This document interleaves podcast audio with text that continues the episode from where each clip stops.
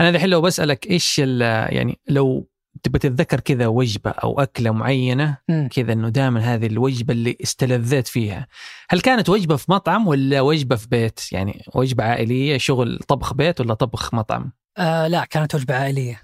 يعني تذ... أظن إنك الحين ممكن قاعد الحين قاعد تتذكر الطبخة إنه يعني ممكن. الوالدة الله يحفظها ولا غير ولا غيره. إيه. فأنا يعني نفس الشيء تقريبا إنه لما أتذكر إنه إيش الوجبات. يعني أنا مثلا يخطر في بالي طبخة دائما يعني خالتي الله يرحمها كانت تسويها فإنه يعني كذا إنه جمالها لذة الرز واللحم كذا وذي الحاجات. فيعني هذه ذك... اللي اللي جاب اللي جاب يصير إنه كان في مقالة كنت أقراها في أتلانتيك. كان يتكلم عن إنه يعني ممكن إنه تجاربك عن الأكل ممكن يعني اللي شيء ممكن يزيد من من لذة الأكل أو حتى إيه. جودته. يعني هو وجود أنه التجربة الاجتماعية الجميلة. فأنت يعني من تحضر مثلا تكون أنك وجبة عشاء وسط أخوانك وأهلك وأحبابك. ممكن هذه تأثر ترى على على جودة الطعام في في حين أنك ممكن دخلت مطاعم من الرخيص للغالي فتلاقي أنك ذكرياتك فيها أنه إيه ما تفرق. هذا بودكاست الفجر من ثمانية. بودكاست فجر كل يوم نسرد لكم فيه سياق الأخبار اللي تهمكم. معكم أنا فهد الخنين. وأنا ثمود بن محفوظ. في الخبر الأول اليوم تطور تحقيقات ناسا في الأجسام الطائرة المجهولة. في الخبر الثاني تزايد شكوك السلامة بأنظمة تسلا وباقي السيارات ذاتية القيادة.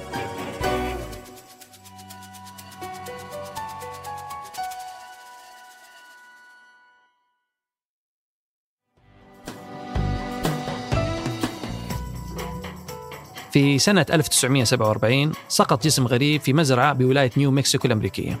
وقالت الحكومة الأمريكية وقتها أن هذا الجسم مجرد منطاد لرصد الأحوال الجوية.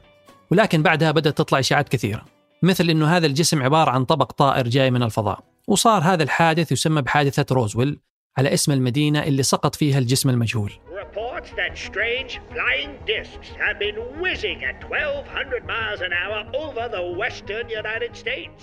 And ظلت الحادثة لسنوات مرتبطة بفكرة الغزو الفضائي. لين عام 1994 لما أكدت القوات الجوية أنه الجسم اللي سقط كان جهاز سري استخدمته أمريكا عشان تتجسس على الاتحاد السوفيتي اللي كان عدوها في ذاك الوقت. مع أنه أمريكا تجاوزت حادثة روزويل لكنهم ما تجاوزوا فكرة الأطباق الطائرة.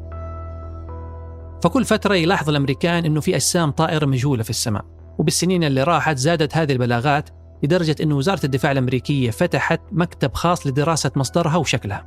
هذا المكتب استقبل في أقل من سنتين أكثر من 360 بلاغ لأجسام طائرة لاحظوها الناس في الجو وصار بالمعدل يسجل من 50 إلى 100 بلاغ كل شهر. يكون أغلبها مناطيد لمراقبة الطقس وبعضها طائرات درون.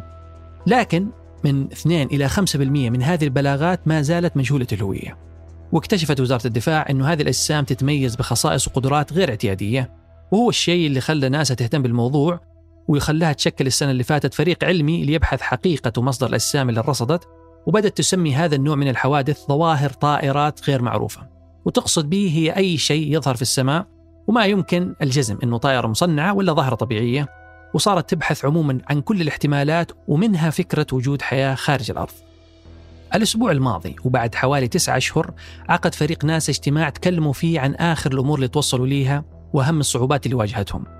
For the first time in its history, NASA is trying to peel away some of the mystery around UFOs. رئيس الفريق قال إنه مهمتهم ما كانت حل المشكلة أو اكتشاف السبب وراء هذه الأحداث بل الهدف إنه إعطاء ناس خارطة الطريق تساعدهم على تحليل ودراسة هذه الظاهرة في المستقبل. وأضاف أيضا إنه ما توصلوا لأي دليل يؤكد إنه هذه الأجسام نشأت في الفضاء وإنه إثبات وجود ذكاء غير بشري يتطلب أدلة استثنائية لحد الآن ما وصلوا لها. اللافت في الجهود الأخيرة أنه ناسا ووزارة الدفاع الأمريكية صاروا أكثر وضوح بخصوص هذا الموضوع. ناسا مثلا ما كانت تشارك معلومات عن هذا الموضوع لكنها مؤخرا سوت اجتماع للفريق ومفتوح للكل وشاركت فيه كل الأخبار والمعلومات اللي وصلوا لها لكن الفريق المكون من 16 عالم وباحث ما زال يواجهون صعوبات كثيرة زي شح البيانات الدقيقة وندرة الأساليب العلمية لتوثيق الأجسام الطائرة لأنهم الآن يعتمدون على مشاهدات الناس والطيارين ويستخدمون كاميرات وأجهزة استشعار ما هي مصممة أصلا للرصد وقياس الأجسام اللي يدرسوها وهذا الشيء اللي خلى رئيس الفريق يقول إنهم يحتاجون بيانات ذات جودة عالية وأكثر دقة من تقارير شهود العيان اللي يعتبرها غير كافية. لأنه سوء جودة البيانات وعدم دقتها هي اللي تكون سبب في ارتفاع بلاغات وتقارير الأجسام مجهولة. وتقول ناسا أيضا إنه من التحديات اللي تواجهها إنه الناس والطيارين تحديدا يترددون في الإبلاغ عن هذه الحالات، عشان ما حد يتهمهم بأنهم يروجون نظريات المؤامرة ومع كذا تقول ناس أنها حتبتكر طرق إضافية لجمع البيانات زي تطوير تطبيقات الجوال تسمح للناس أنهم يوثقوا ويشاركوا بشكل سريع وسهل أي صورة لجسم مجهول يشوفوه وقالت أنه هذا الشيء بيعطيهم كمية بيانات أكبر وبجودة عالية بتفيدهم في تقريرهم النهائي اللي بينشر بنهاية يوليو الحالي يعني بعد حوالي شهر ونص من اليوم.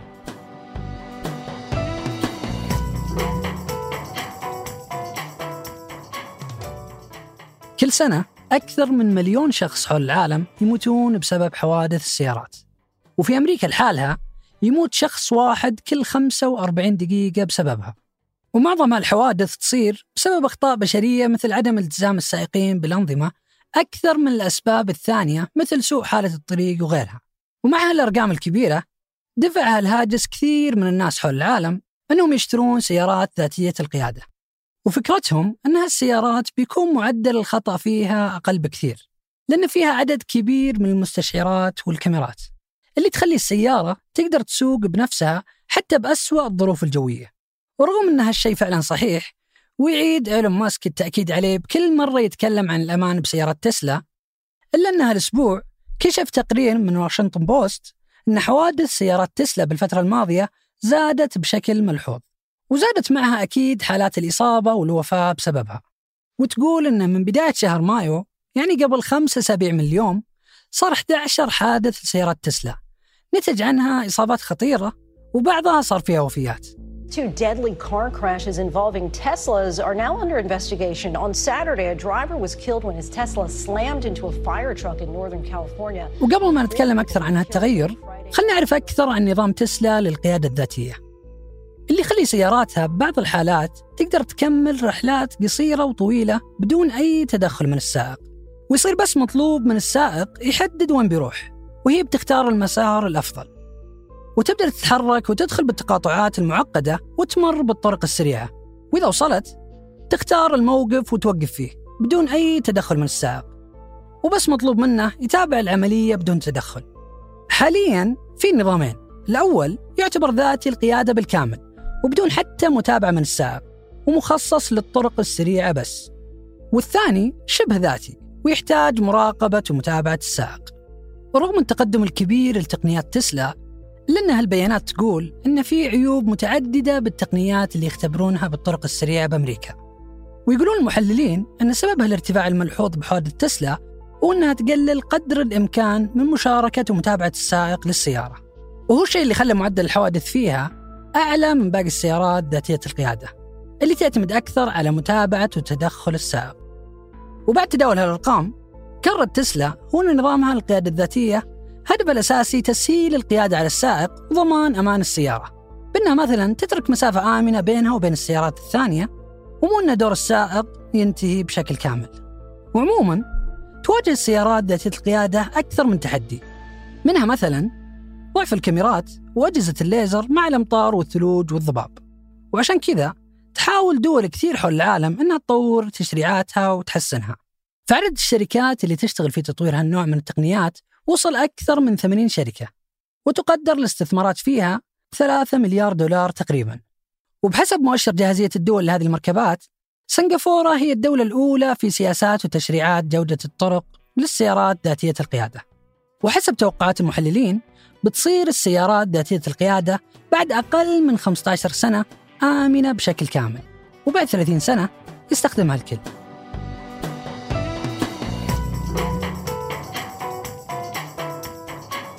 وقبل ننهي الحلقة هذه أخبار على السريع. مع بداية هذا الأسبوع انطلق مؤتمر الأعمال العربي الصيني في الرياض وتحت شعار التعاون من أجل الازدهار اجتمعت 23 دولة وأكثر من 2000 مشارك من ممثلين الحكومات وكبار المسؤولين والمستثمرين ورواد الأعمال في أكبر تجمع يهدف لتعزيز التواصل الحضاري والتبادل التجاري بين الصين والدول العربية. من المتوقع أن هذا المؤتمر يحدث نقلة نوعية في مسار العلاقات العربية الصينية اللي تمتد لأكثر من 2000 سنة.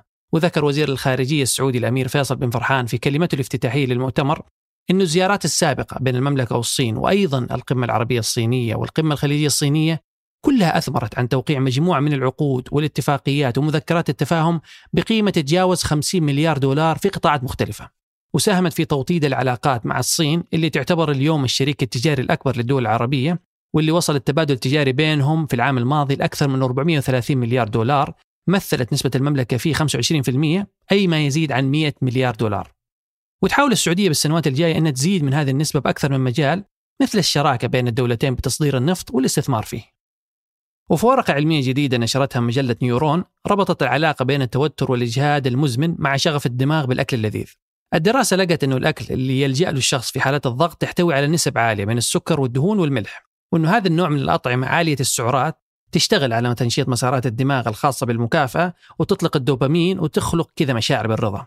وحسب النتائج فالدمج بينها وبين حالة التوتر له أعراض غير صحية تخلق تغيرات حتى في الدماغ نفسه. وهذه التغيرات تسبب رغبة شديدة تجاه الأكل وبالتالي تؤدي إلى زيادة الوزن. هذه الدراسة اتفقت مع دراسة ثانية من معهد جارفان للأبحاث الطبية الأسترالي واللي ركز على ضرورة اتباع نظام غذائي صحي في فترات الشعور بالتوتر تحديدا لأنه ترك التوتر كمتحكم للأكل على المدى الطويل بيعطل توازن الجسم وبيأثر أيضا على الأنظمة الفسيولوجية في الجسم. وأمس أعلنت وزارة التجارة السعودية عن فرض غرامات مالية على عشر وكالات سيارات في مناطق مختلفة من المملكة بسبب مخالفتها لأنظمة الوكالات التجارية.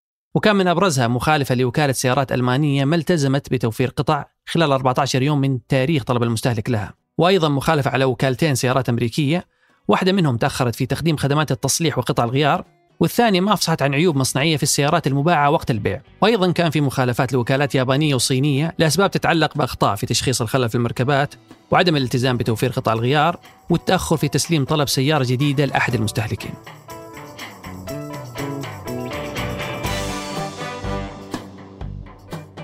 أنتج هذه الحلقة تركي بلوشي ورافع العصار. قدمتها أنا فهد الخنين. وأنا ثمود بن محفوظ. وراجعها عمر العمران وحررها محمود أبو ندى أشوفكم بكرة الفجر.